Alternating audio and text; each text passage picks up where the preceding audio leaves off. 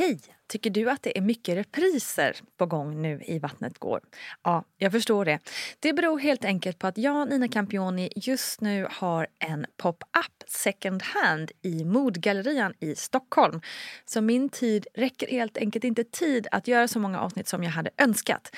Men tills jag är tillbaka på full tid, kom gärna och hälsa på mig i Modgallerian. Vi ses! Men det var faktiskt mina vänner som vi åkte och hälsade på senare på Gotland som sa Matilda du är gravid, dina bröst ser ut som bazookas. Jag bara nej, jag är inte gravid. Och då kanske jag var i vecka tre. Och sen tog jag gravidtest vecka fyra, fem. Hallå där och välkomna ska ni vara till Vattnet går, podcasten som handlar om graviditet och förlossningar. Nina Campioni heter jag som ledsagar dig här genom programmet och eh, jag är som vanligt helt blown away över hur många ni är som lyssnar och gillar det här programmet. Jag blir otroligt glad för det. I det här avsnittet så träffar vi Matilda Wilhelmsdotter Gundmark. Och hon är en av dem som när hon gjorde ultraljudet fick en smärre chock. För hon såg nämligen att det var två stycken som låg där inne i magen. Idag har hon härliga tvillingarna Nils och Wilhelm. Men det var inte alltid så lätt. Det blev en ganska tuff start. Så var redo med pappersnäsdukande för i alla fall för mig och Matilda så blev det här ett ganska tårdrypande avsnitt. Med oss som vanligt har vi fantastiska barnmorskan Gudrun Abascal som är grundare av BB Sofia. Och hon eh, hjälper till här att reda ut vissa begrepp som vi inte riktigt, riktigt förstår. Nu kör vi. Välkomna ska ni vara. A lot can happen in the next three years. Like a chatbot may be your new best friend. But what won't change? Needing health insurance. United Healthcare Tri Term Medical Plans are available for these changing times. Underwritten by Golden Rule Insurance Company, they offer budget friendly, flexible coverage for people who are in between jobs or missed open enrollment. The plans last nearly three years in some states, with access to a nationwide network of doctors and hospitals. So, for whatever tomorrow brings, United Healthcare Tri Term Medical Plans may be for you. Learn more at uh1.com. Ever catch yourself eating the same flavorless dinner three days in a row? Dreaming of something better? Well, HelloFresh is your guilt free dream come true, baby. It's me, Gigi Palmer. Let's wake up those taste buds with hot, juicy pecan crusted chicken or garlic butter shrimp scampi. Mm. Hello Fresh. Stop dreaming of all the delicious possibilities and dig in at HelloFresh.com. Let's get this dinner party started. Hey, I'm Ryan Reynolds. At Mint Mobile, we like to do the opposite of what Big Wireless does. They charge you a lot, we charge you a little. So naturally, when they announced they'd be raising their prices due to inflation, we decided to deflate our prices due to not hating you. That's right. We're cutting the price of Mint Unlimited from $30 a month to just $15 a month. Give it a try at mintmobile.com slash switch. $45 upfront for three months plus taxes and fees. Promote for new customers for limited time. Unlimited more than 40 gigabytes per month. Slows. Full terms at mintmobile.com. This is Paige, the co-host of Giggly Squad, and I want to tell you about a company that I've been loving, Olive and June. Olive and June gives you everything that you need for a salon quality manicure in one box. And if you break it down, it really comes out to $2 a manicure, which is absolutely insane. It's also so easy to get salon worthy nails at home with Olive and June. The difference between how your nails used to look when you did them yourself and now with the Manny system is a complete game changer. The best thing about Olive and June too is it's a quick dry. Dries in about one minute, lasts for five days, and full coverage in up to one to two coats. Visit oliveandjune.com slash perfectmanny20 for 20% off your first system. That's oliveandjune.com slash perfectmanny20 for 20% off your first system. Ni fick reda på att du väntade tvillingar. Vad var din första tanke eller känsla? Åh herregud, kan det här vara möjligt? och så började jag skratta. Jag låg ju ner och de gjorde ju ultraljudet. Och så började jag så skratta helt så här hysteriskt. Sådär som när man blir nervös. Mm. Eller riktigt nervös. Och min man satt helt, helt tyst. I säkert 20 minuter. Det var jag som såg, när hon liksom började med ultraljudet så, så hann jag se, för jag hade precis sett en kompis liksom, första ultraljud. Så sa jag, men jag ser två. Och då säger min man, men vänta här nu, liksom, lugna ner dig. Och då tittar sköterskan, det är två, två i samma säck. efter ett tag började vi gråta såklart. Eh, eftersom, ja, men av lycka och av chock. Mm.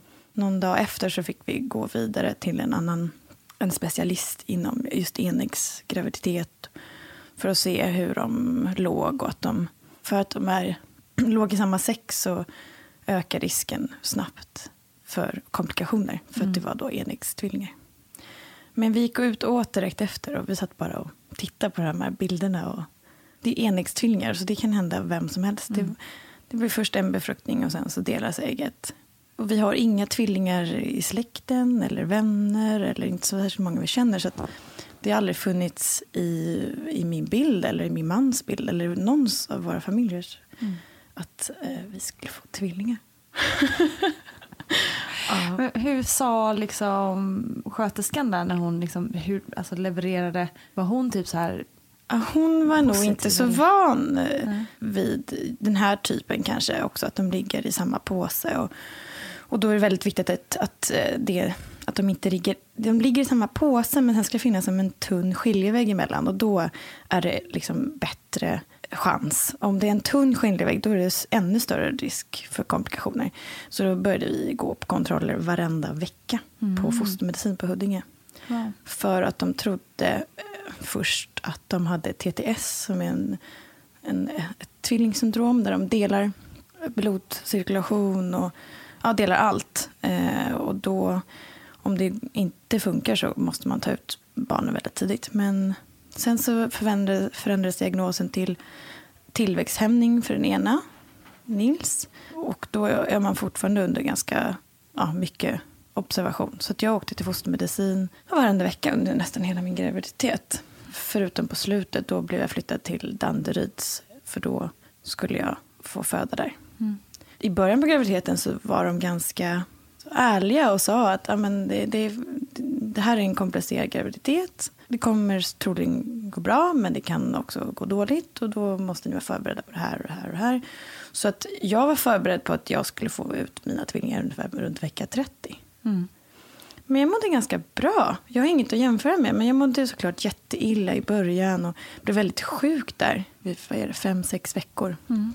Men jag liksom kämpar på. Det var jätte, jättehäftigt att vara gravid. Och jag tror att vad jag har läst och hör om många andra så var min själva graviditet, alltså fysiskt och psykiskt, inte så tuff. Eftersom jag tror att jag kunde inte fokusera så mycket på det. Eftersom barnen var, fanns ju risk, lite i mm. riskzonen. Mm. Jag var nog väldigt orolig. Men samtidigt hade vi väldigt bra sjukvård. Alltså jag måste säga att de, de på fostermedicin på Huddinge var väldigt kunniga. Och hade det varit någon fara, då hade de nog sagt det. Mm. Men det är klart man gick runt med en oro att föda barnen för tidigt. Mm. För det är ju inte, inte, så bra. Och det är inte särskilt kul att vara på sjukhus så länge.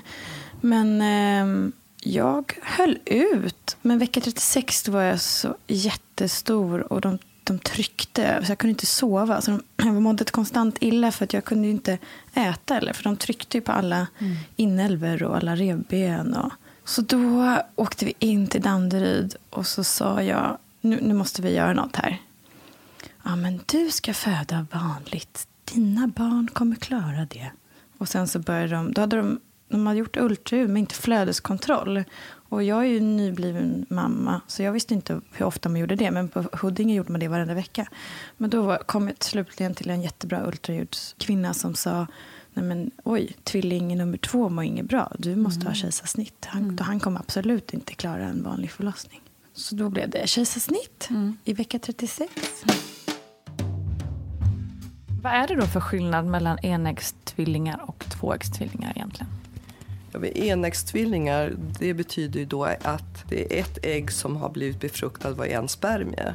Och sen efter några dagar så delar sig det här embryot till två stycken och blir, blir då två stycken foster så att säga. Men det är en ägg, ett ägg och en spermie. Och det kan, delningen kan ske allt ifrån från första dagen upp till sju dagar brukar man säga, men sen är det klart. Eh, när det gäller då tvåäggstvillingar som jag, jag har faktiskt tvåäggstvillingar och är väldigt tacksam för det, för det är det bästa som jag har fått i livet, att ha en tvillingbror. Det är då att då är det ett ägg och en spermie som är befruktat och så är det ett annat ägg och en annan spermie. Så att det är ungefär som två separata graviditeter samtidigt. Så. Och det vet vi är vanligare hos äldre kvinnor, alltså mellan 35 och 39 år. Så är det vanligare att man, att man får tvillingar än om man är yngre. Vet man vad det beror på? Nej, det får man fråga den som har konstruerat oss. Om det är så att, att man kanske nu är det sista chansen, inte vet jag, att få barn, alltså mellan 35 och 39, så det är lika bra att vi dammar till med två stycken samtidigt. Har du alltid velat ha barn? Ja, det har jag. När bestämde sig du och Gustav för att det var lax? Efter vi hade varit på vår eh, alpbröllopsresa. Hur härligt lät inte det då? Men jag visste att jag ville inte vara gravid efter... Jag vill inte vara gravid i Alperna. Nej. Jag vill också åka skidor som jag vill fort Mm. och snabbt. Men eh, så det var några månader efter vårt bröllop på våren efter. Och sen tog det några månader. Jag tror faktiskt att jag nästan vet vilken gång jag blev gravid. Mm. Kan du berätta detaljer? Nej, men det var mitt på sommaren. Eh, vi var väl angelägna om att eh, bli gravida. Och eh, jag låg kvar i sängen lite extra länge den gången. Och det tror jag att det var då, för det stämmer lite i tiden. Och sen ville jag inte riktigt eh, tänka, eftersom jag hade inte blivit gravid då på första försöket, vilket är högst normalt. Men det var faktiskt mina vänner som jag åkte och hälsade på senare på Gotland som sa Matilda, du är gravid. Dina bröst ser ut som bazookas. Jag bara, nej, jag är inte gravid. Och då kanske jag var i vecka tre. ja. Och sen tog jag gravidtest vecka fyra, fem. Och sen var det ju ultraljud tidigt. Kubb kanske är först, va? Det är nog väl lite olika? Ja, kubb gjorde jag. Jag Så vi fick reda på det vecka ultratest 12. först. Eller ultraljud först. Ja, vecka 12 Ja. fick vi reda på att det var tvillingar. Och sen var det då... Så vi Mm. gjorde aldrig de här ultraljud 18, för vi gjorde ju Ja, ultraljud det. varenda vecka och flödesscheman. Men hur gjorde du det här gravidtestet? Gjorde du det själv eller var ni tillsammans? Ah, nej, jag gjorde det själv Ja. på toaletten. Och så skrek jag är gravid. Skål höll jag på att säga, fast det är ju helt fel. ja, så fick ni reda på att det var tvillingar. Alltså hur, alltså jag tänker, man tänker ju i alla fall att, att man kastas från så här lycka och bara ah, hur ska vi klara det? Alltså sådär. Vilken, men vilken så här känsla var mest påtaglig så här, så dagarna efter ni hade fått veta att det var tvillingar? Men vi, första gången, så jag tänkte ju såklart mest lycka för jag vet, förstod inte hur jobbigt det skulle bli. eh, och väldigt häftigt och en gåva såklart. Men också annorlunda att bära på två.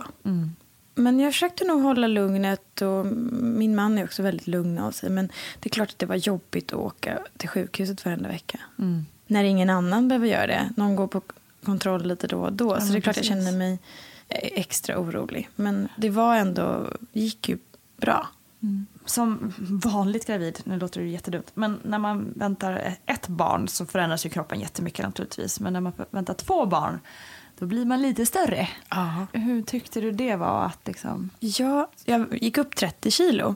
Men det syntes inte. Alltså, jag hade en jätte, jätte, jättemage.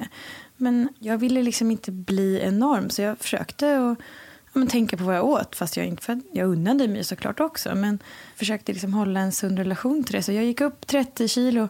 Ja, jag var ju stor och det var ju svårt på slutet att röra mig. Och jag kommer ihåg att jag var på en middag på slutet med mina kompisar på Norsen Chow och skulle gå på damernas. Och så gick jag ner och så kom jag inte in genom dörren. Så jag fick så gå upp och säga så här, tjejer jag kommer inte in genom dörren, jag måste hem och kissa. Jag fick ta taxi hem. Ja. Och då kände jag att jag ska nog hålla mig hemma här sista veckorna. För då är jag väl kanske en vecka. Men det visste jag var sista liksom, middagen med tjejerna och det visste de också. Men jag, då mådde jag ju bra. Det skrattar jag alltid när jag går dit. Att jag inte kom in genom de här dörrarna. Vilken fas i graviditeten gillade du mest? Alltså, var det någon tid som du tyckte det här var ganska härligt? Jag tyckte nog från den veckan man kan gå ut med att man är gravid och fram till liksom sista månaden när jag inte kunde sova och inte kunde äta för att det var så mycket som tryckte. Men eh, det var ju kul att se hela tiden utvecklingen. Och jag tycker det är väldigt vackert. Jag, när jag ser alltid kvinnor på stan tycker jag att det är väldigt vacker. Och så känner man sig väldigt magisk. Det är väldigt bär liksom på ett nytt liv. Det är mm. jättecoolt. Så jag skulle nog tycka att den större delen var, var bra. Mm. När ni började närma er där då, du sa ju det att man var, du var ju lite beredd från vecka 30 nästan. Mm. Får man någon speciell hjälp att förbereda sig för en tvillingförlossning? Inte av staten så, men vi gick med i något som heter Tvillingklubben som hade en föreläsning där massa blivande tvillingföräldrar träffades och fick eh, en, en föreläsning om vad som, hur det är första tiden och många som kanske hamnar just på neonatal och hur man ska dubbelamma och sådana bitar. Mm. Så det var väl en jättebra förberedelse, i alla fall en inblick i. Man kan ju faktiskt inte fullt förstå för man väl var i situationen. Men... Hur kändes det sen när du närmade dig vecka 30 och det började närma sig helt enkelt någonting? Ja, men jättespännande. Mm. Då, var man ju, då hade man ju lite kontakt. Man kunde ju liksom känna i magen och sparka och började försöka känna skillnad på deras rörelsemönster. Mm. Det är ju lite svårt att känna vem som var vem. Mm. För de är ju ungefär lika stora. Och nu var jag jättenyfiken på vilka det var. Så att, jag tror det var vecka 34. Då började jag väl känna att nu måste det ske något snart. Mm.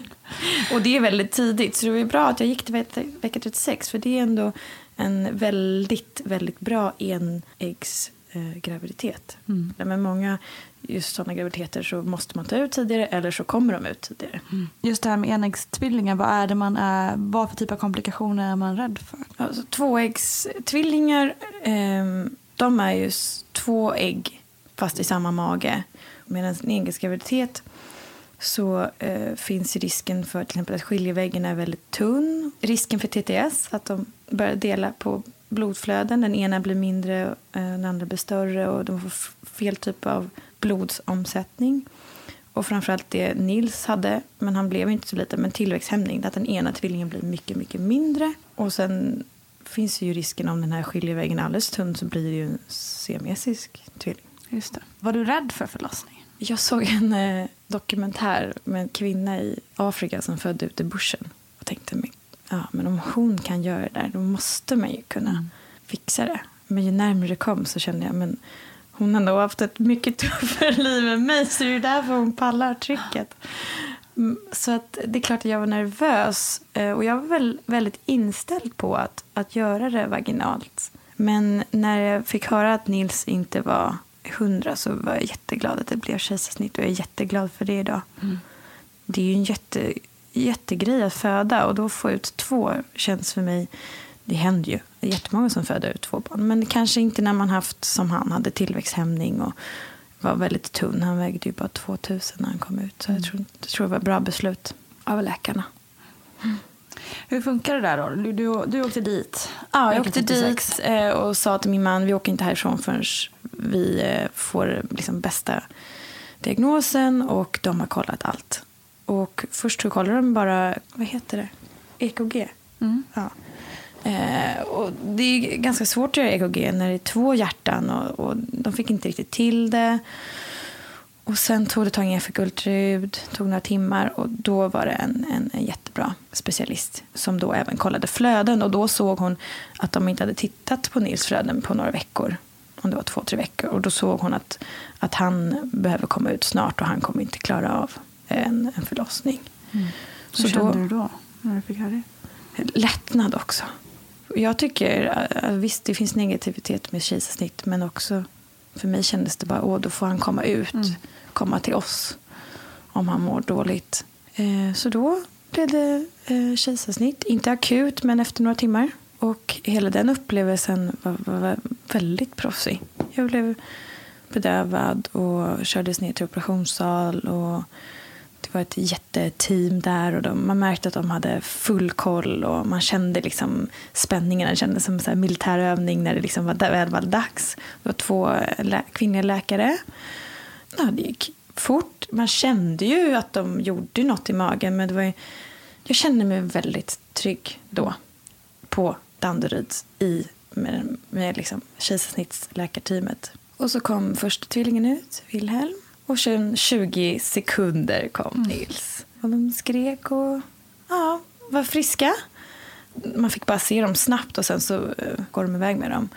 Och Visst, för visste ni innan att de, skulle, att de skulle ta iväg dem direkt? Eller? Alltså var ni förberedda på det? jag tror att de sa det, men det är klart att man helst skulle vilja haft dem där på en gång. Men det gick, vi var väl kvar där, de ska ju sy ihop mig och sådär. Men, och då började läkarna prata om eh, vad de skulle plantera för blommor till helgen. Då kände jag att det här måste gått så sjukt lyckat där. Eftersom de, liksom, det här är deras. Så att då kände jag mig, och jag frågade faktiskt, jag bara, har allt gått bra? de bara, allt är toppen.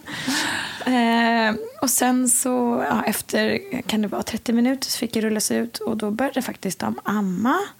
Det var jättemysigt, fick amma båda två. Och det funkade? Ja, det funkade. Och vi var ju så här överlyckliga och alla på sjukhuset var så åh, enäggstvillingar och vad här och det här är så fantastiskt. Och sen bara, usch. Ja, fy fan. Det så länge sedan jag pratade om det. Jag börjar också gråta. Ja, men alltså det, det här är inte någonting som man pratar om till vardags. Jag har ju pratat om det såklart med nära vänner och familj och så, men nu är det ju över två år sedan så att man, livet går vidare. Men efter att ha haft liksom en fina, fina, ja vad kan det varit, två timmar där vi är uppvaket och jag är nysnittad så åker vi upp på ett rum och då är vi på en avdelning där det inte varit kejsarsnitts eh, kvinnor utan där det allt har gått normalt. Så de barnmorskorna är lite osäkra men de säger men det här det är något som inte stämmer med pojkarna. Så först tar de faktiskt Wilhelm som då väger 3000 och liksom fullt för han eh, lät väldigt dåligt och de såg han liksom började grogga bort. Och Nils som bara vägde 2000 var kvar hos oss. Men sen tog det kanske 5-10 minuter så var han också borta eh, från rummet och Gustav fick springa med. Och jag låg kvar i rummet för jag kunde ju inte röra mig på minst ett eller två dygn. Eh, man får inte ändå bil. Så jag låg där. Ja, det kommer väl in en sköterska och sa ja, men de är på neonatal och din man får komma upp när vi vet mer. Det här, de eh, föddes halv tre och det här skedde mellan fem och sex. Så vid halv åtta kom Gustav upp och sa eh, vi har varit på neonatal och eh, de vet inte vad det är för fel och det finns ingen plats. Så nu har de åkt akut till SÖS neonatalavdelning. För det- de, de har inte plats för den här akutvården. Så då har våra små nyblivna gossar åkt akut till SÖS. Och Gustav slänger sin taxi och jag måste ligga kvar och vänta på ambulanstransport eftersom jag inte får röra mig. Och den ska ju komma, men den kommer tyvärr inte. Så den kommer mitt i natten. Och då förs jag till eh, SÖS och hamnar på en avdelning som inte är mina pojkars. För att där går inte liksom min säng. Jag är ju en, i, helt liggastillande. Och då är det nattskift. Så det tar ett tag innan de förstår att ah, men den här mamman måste nog träffa sina barn. Så att mitt i natten får jag då eh, forslas upp till neonatal. Och då får jag ta på dem. Liksom. Och det var ju väldigt hemskt att först få amma och sen bara få ta på dem. Och så många timmar där du inte vet någonting. Ingenting. Olika sjukhus. Och det är ju svårt för läkare också att förmedla saker. Alltså, men då fick jag i alla fall träffa dem. Och det var ju skönt. Och sen eh, blev det ju en väldigt snabb tillfriskning för mig. Rent, för jag ville ju bara upp och gå till dem. Så jag var uppe och gick kanske dagen efter. Men det var bra. Alltså, det är bra att gå tidigt men jag tror att det var ett jävla anamma liksom. Att jag Säkert. måste upp och hälsa på pojkarna. Överlevnadsinstinkten, Ja. att du måste upp och skydda dina barn. Liksom. Ja. Så där bodde vi ett, två dygn ifrån varandra. De var på en avdelning och jag låg på en annan. Men sen efter två dygn fick vi alla komma och ligga på neonatal. På, vi bodde på nio kvadrat. Jag och min man och barnen låg i ett akutrum. Utan toalett och dusch och kök som man delade med alla andra neonatalföräldrar. Nysnittad. Så det var inte jätteroligt. Men huvudsaken var att barnen var under uppsikt såklart. Så det tog sen totalt två dygn innan de förstod vad det var. Och de dygnen var ju fruktansvärda. Att inte veta. Och jag märkte på läkarna också att de tyckte det var jättefrustrerande att de inte kunde säga till oss att det är det här eller det här. Men det är jätte, jätte, jätte ovanligt. Så jag förstår att de inte hittade vad det var. De var tvungna att skicka massa blodprover och analysera. Och Och eh, det medicinska är ganska komplicerat att förklara men man kan säga det som att min blodtypskaraktär i kombination med min mans blodtypskaraktär inte är helt kompatibla. Och det gjorde att våra söner, när de kom ut, behövde fylla på med trombocyter. Så att det var det man gjorde för åtgärd. Och fick börja en sån behandling. Och innan trodde man att de hade blödarsjukan. Och, För man kunde inte riktigt fastställa. Men det är jätte, jätteovanligt. Alltså det är ett fall om året, sa de. Okej. Och på enäggstvillingar har det väl aldrig Nej, varit. Liksom. Men det var väldigt skönt. Men då, när det var väl var liksom fastställt så var det ju en jättelättnad. Men de dygnen, absolut värsta i mitt liv. Mm. Och inte veta. Och vara i den här miljön, massa sjuka barn överallt. Och... Och låg de då, dina söner, i kuvös eller hur? De låg inte i kuvös, men de låg i akutrum heter det. Så man får fortfarande, man kan ju liksom ta upp dem och ta Mm. i dem och så. Men de har ju mycket slangar och intravenöser och, och så. Mm. Så det är inte som att man får åka hem och... Nej, jag mysa att det måste hemma. vara en ganska så skrämmande anblick kanske också. Ja, och inte- de hade alltid vad- en sjuksyst, sjuksyster vid, sig, vid sängen, vid deras Mm. säng. Så där blev vi kvar och de fick den här behandlingen och den gick bra. Ja, de fick inte kunde inte amma då. För de, ja. Mm. Men ju, efter några dagar så började jag amma en och en. Men jag pumpade hela tiden så de fick ju min, min mjölk via eh, sondmatning. Och den mådde de jättebra av. Så att de växte och tyckte den var god och växte på sig. det var väldigt traumatiskt att vara där. Vi var där totalt i tre veckor för tyvärr så lyckades Nils åka på en rejäl infektion efter några dagar. Mm. Hela hans arm svullnade upp av intravenösen infektion. Okej. Så då fick de göra en operation. Och tills han var helt frisk efter det fick vi åka hem. Men de tre veckorna där, nu pratar jag väldigt osammanhängande, men det var väldigt, väldigt traumatiska veckor. Att vara i den miljön och fast på ett sjukhus. Och det, eftersom det är sån hög, var under RS-virus och ingen fick hälsa på. Man fick inte visa liksom, upp för mormor och morfar. Och vi var helt ensamma och bor i det här liksom, nio kvadrat. Eh, och samtidigt nysnittad. Jag sov på en bäddsoffa. Delade toalett med liksom hundra andra samtidigt som man var snittad. Och så gå och pumpa. Och, eh, man hörde på nätterna ibland om det kanske var något akut som hände. Så det var svårt att liksom, kanske koppla Fy. av. Oroligt. Verkligen orolig start. Så vi längtade ju bara hem. För att få komma hem med våra små pojkar. Liksom.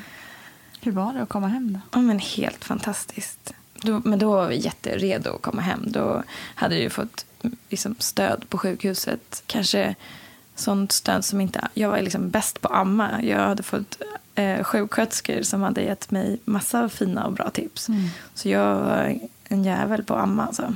Så på det sättet var det positivt. Ja, det är klart. Man får ju en coachning som ingen annan hinner få på En två dagar innan man skickas hem. Liksom. Ja. Som förut fick man ju vara kvar på sjukhuset längre. Jag tror att det skulle göra jättemycket. Det tror jag verkligen också. Och bara få så här, små tips. Framförallt med amningen som många verkar svårt Mm. med. Jag tror att i och med att det var så himla kaotiskt och traumatiskt så, så ställde jag in på att men amningen, den ska jag bara fixa. Och den gick toppen. Sjukhuset tyckte till och med att jag skulle liksom ge, jag fick ge massa mjölk till och med. Just det. Wow. Ja. Nej, men jag tror också det, för det är så himla mycket som när man kommer hem som bara, Åh, det där skulle jag ju ha frågat om som man inte vet Ja. att man bör fråga om. Ja, att det verkligen. är så mycket som händer sen. Liksom. Mm. Hur kände du det här med anknytning och sånt när du liksom inte kunde ha barnen nära dig?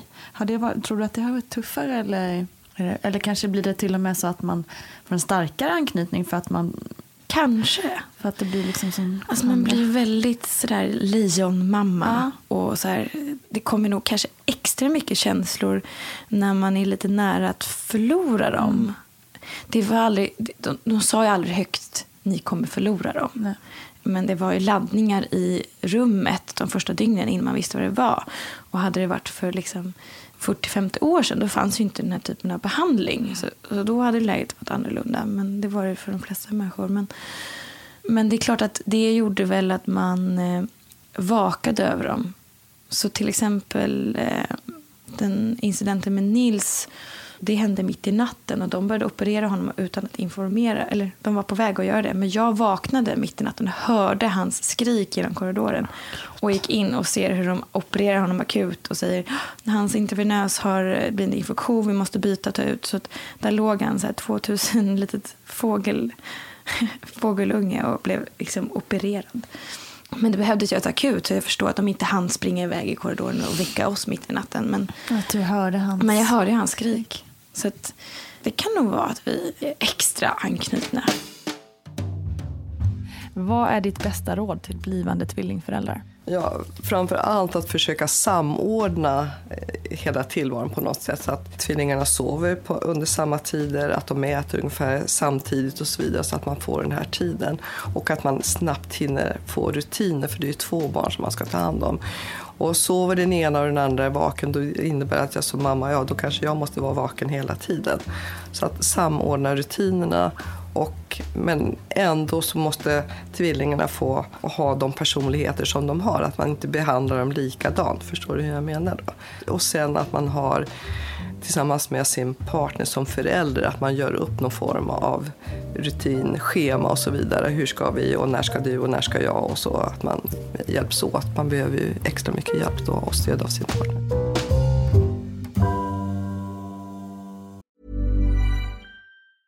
Selling a little or a lot? Shopify helps you do your thing however you cha-ching. Shopify is the global commerce platform that helps you sell at every stage of your business. From the launch your online shop stage to the first real life store stage, all the way to the did we just hit a million orders stage. Shopify is there to help you grow. Shopify helps you turn browsers into buyers with the internet's best converting checkout. 36% better on average compared to other leading commerce platforms because businesses that grow grow with Shopify. Get a $1 per month trial period at Shopify.com slash work. Shopify.com slash work. Hold up. What was that? Boring. No flavor. That was as bad as those leftovers you ate all week. Kiki Palmer here, and it's time to say hello to something fresh and guilt-free. Hello Fresh. Jazz up dinner with pecan-crusted chicken or garlic butter shrimp scampi. Now that's music to my mouth. Hello Fresh. Let's get this dinner party started. Discover all the delicious possibilities at hellofresh.com. Hey, it's Ryan Reynolds, and I'm here with Keith, co star of my upcoming film, If, only in theaters, May 17th. Do you want to tell people the big news? All right, I'll do it. Sign up now and you'll get unlimited for $15 a month in six months of Paramount Plus Essential Plan on us. Mintmobile.com slash switch. Upfront payment of $45 equivalent to $15 per month. Unlimited over 40 gigabytes per month. Face lower speeds. Videos at 480p. Active Mint customers by 531.24 get six months of Paramount Plus Essential Plan. Auto renews after six months. Offer ends May 31st, 2024. Separate Paramount Plus registration required. Terms and conditions apply if rated PG. Hiring for your small business? If you're not looking for professionals on LinkedIn, you're looking in the wrong place. That's like looking for your car keys in a fish tank. LinkedIn helps you hire professionals you can't find anywhere else, even those who aren't actively searching for a new job but might be open to the perfect role. In a given month, over 70% of LinkedIn users don't even visit other leading job sites. So start looking in the right place. With LinkedIn, you can hire professionals like a professional. Post your free job on linkedin.com slash people today.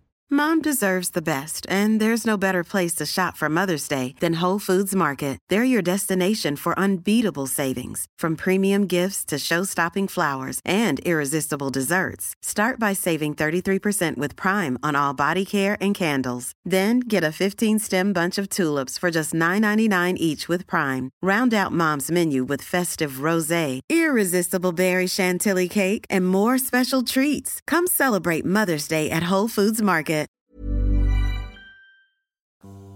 Men nu är ju tvillingarna två år. Ja. Hur tänker ni med fler barn?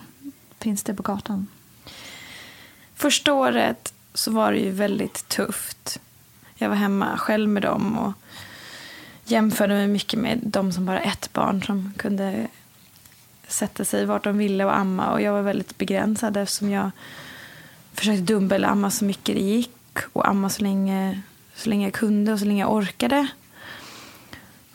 Och eh, min man jobbade så jag var ju liksom, var ett tungt last första året. Så då kunde jag inte ens tänka tanken att det skulle kunna finnas plats för fler i vår familj. Och andra året kom det andra utmaningar. De blir liksom mer rörliga och inskolning och deras hur de eh, interagerar med varandra och man börjar lära sig själv som mamma och, och sina barn mer och mer. Så jag skulle säga nu när de är två år så är det klart att det finns en tanke. Vad fint skulle vara att ge dem ett syskon just för att tvillingar blir så tajta och liksom och att för oss som föräldrar att få prova på hur det är och, och bara ha ett litet spädbarn att, mm. att sköta.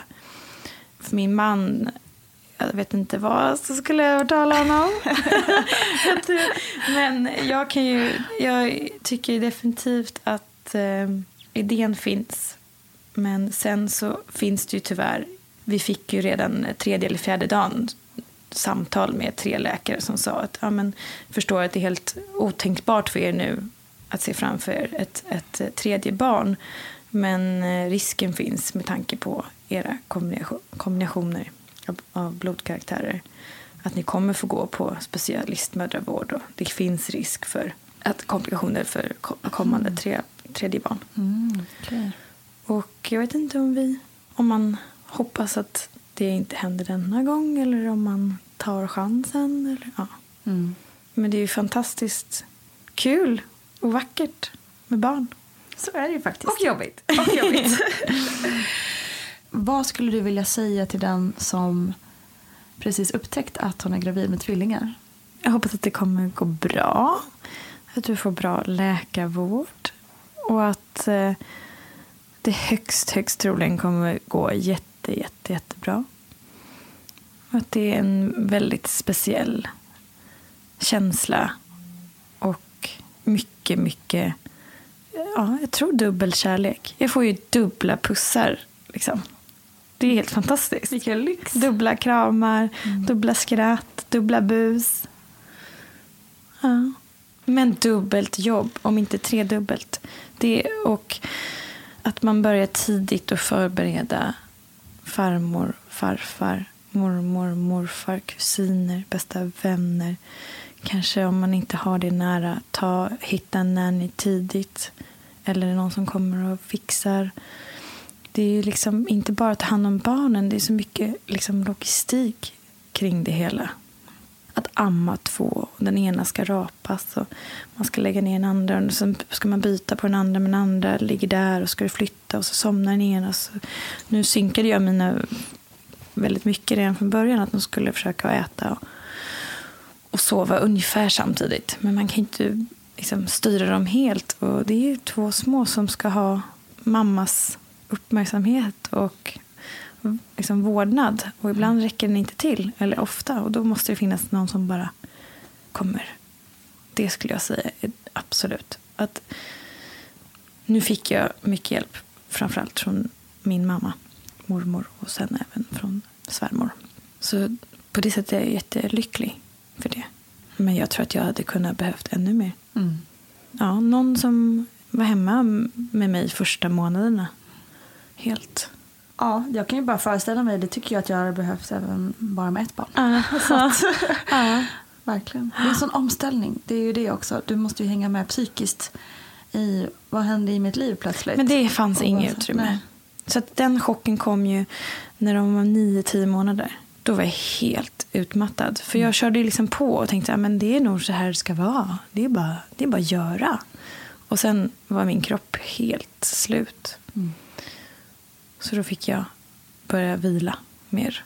Och då fick vi då fick alla som kunde liksom hjälpa till extra. Och vi tog in en, en extra nanny. Och, ja, fick göra allt. Min man fick gå ner lite i tid. Men mitt råd är att man måste ta in den hjälpen ännu tidigare man inte behöver det. Mm.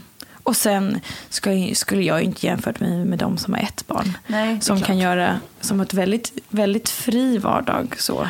Så kan dricka kaffe latte och ja, äta på restaurang eh, hur obehindrat. Det går ju inte riktigt med två. Vad vet du idag som du inte visste innan du blev mamma? Sömnen. Jag förstod inte innan. Vadå? Det är bara att sova. Stackarna, de är så trötta, de där mammorna. Undrar vad det är som nu Oh my god. Men nu, nu är man ju van vid det här. jag känner mig liksom pigg. Fast Eller hur? Ja. Visst är det konstigt? Ja. Ja, ja. Nu, nu vaknar jag ju bara tre gånger per natt. Ja, Det är ju Ingenting. Exakt. Nej, men Jag är helt utvilad. Ja. Sen har ju minnet eh, fart någon annanstans. Ja, det är sant. Man är Jag känner mig inte trött längre, vilket är helt sinnessjukt. Kvinnan är cool alltså. Ja, så fruktansvärt cool. Mm. Nej, men det skulle jag nog säga. Och sen, eh, ja, det nu har vi haft tur med sjukdomar och sådär. De har inte varit så sjuka förutom då i början.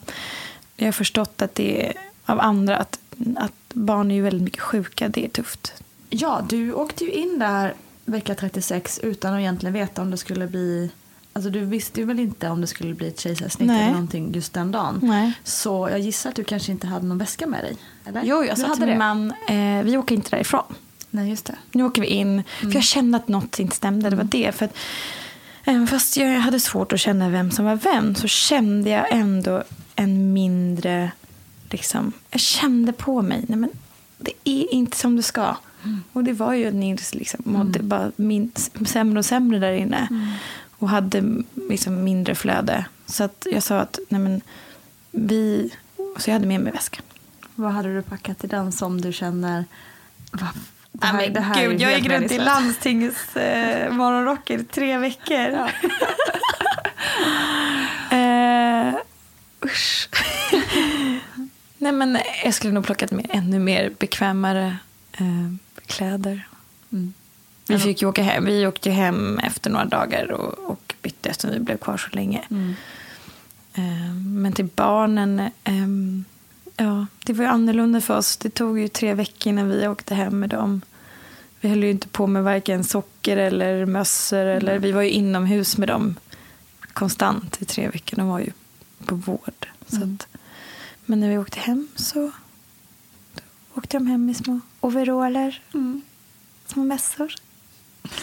Vi glömde ju mössa, även fast det så här...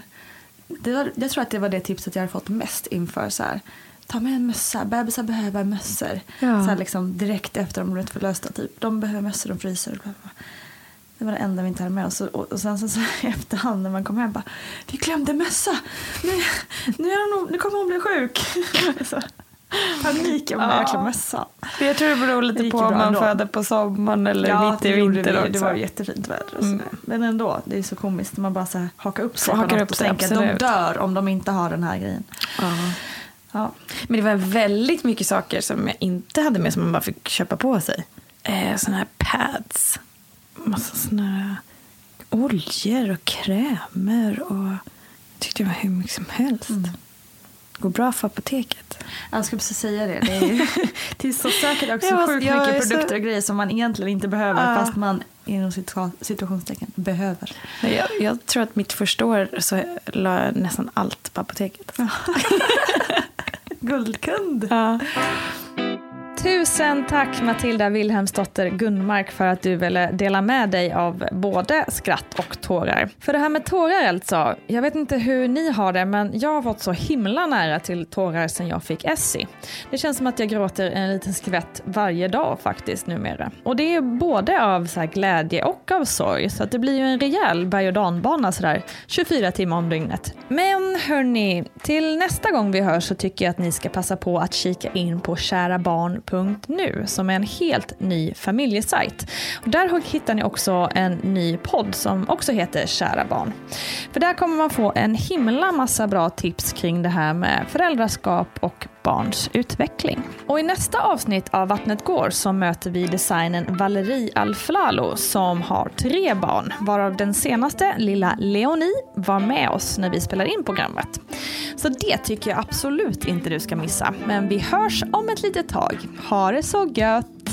Och jag bara, men var är bebisen? För jag hade ju någon slags bild av att en snaps skulle svishas upp till bröstet. Då sa barnmorskan så här, men om du lyfter på kjolen nu så ligger din bebis där. Så då bara lyfte jag på kjolen så, ja mycket riktigt, där låg den. Det var bara en sån konstig känsla. Producerat av Perfect Day Media. Vill du lyssna på något mer? Prova Kära barn med Louise Hallin. Kan man ge något till sina barn man själv aldrig har haft? Ja, då. bara att du frågar, måste jag säga. är ju att du reflekterar över det här och därför har en ambition och därför kommer att vilja ändra saker och ting. Och då kan jag säga att det sociala arvet är groteskt dominant. Jag bara säger det nu, så har jag sagt det en gång för alla. Det sätter sådana stora spår hos oss att vi tror hur saker och ting ska skötas, även om vi till och med inte gillar det vi sett. Så bara plötsligt i impulshandlingar mm, så kan man fara ut med handen och grabba tag i en unge för hårt och, och släpa på någon och säga ifrån om saker och ting på ett sätt som är för kraftfullt för barnet. Och för mig, för att jag känner efteråt att jag får jättedåligt samvete och så här var det inte meningen att bli och hur kunde jag skrika så högt och allt det där som kommer inom oss. Och då måste man förstås ta det som ett tecken och det verkar du göra nu. Du kanske redan har fått sådana impulser och att du behöver tänka över situationen mera. Imagine the softest sheets you've ever felt. Now imagine them getting even softer over time. That's what you'll feel with Bowl and Branch's organic cotton sheets. In a recent customer survey, 96% replied that Bowl and Branch sheets get softer with every wash. Start getting your best night's sleep in these sheets that get softer and softer for years to come. Try their sheets with a 30-night guarantee. Plus, get 15% off your first order at bowlandbranch.com. Code BUTTERY. Exclusions apply. See site for details. Ever catch yourself eating the same flavorless dinner three days in a row? Dreaming of something better? Well, HelloFresh is your guilt-free dream come true, baby. It's me, Kiki Palmer. Let's wake up those taste buds with hot, juicy pecan-crusted chicken or garlic butter shrimp scampi. Mm. Hello Fresh. Stop dreaming of all the delicious possibilities and dig in at HelloFresh.com. Let's get this dinner party started. Mom deserves the best, and there's no better place to shop for Mother's Day than Whole Foods Market. They're your destination for unbeatable savings, from premium gifts to show-stopping flowers and irresistible desserts. Start by saving 33% with Prime on all body care and candles. Then get a 15-stem bunch of tulips for just $9.99 each with Prime. Round out Mom's menu with festive rosé, irresistible berry chantilly cake, and more special treats. Come celebrate Mother's Day at Whole Foods Market. Imagine the softest sheets you've ever felt. Now imagine them getting even softer over time. That's what you'll feel with Bowl and Branch's organic cotton sheets. In a recent customer survey, 96% replied that Bowl and Branch sheets get softer with every wash. Start getting your best night's sleep in these sheets that get softer and softer for years to come. Try their sheets with a 30-night guarantee. Plus, get 15% off your first order at bowlandbranch.com. Code BUTTERY. Exclusions apply. See site for details.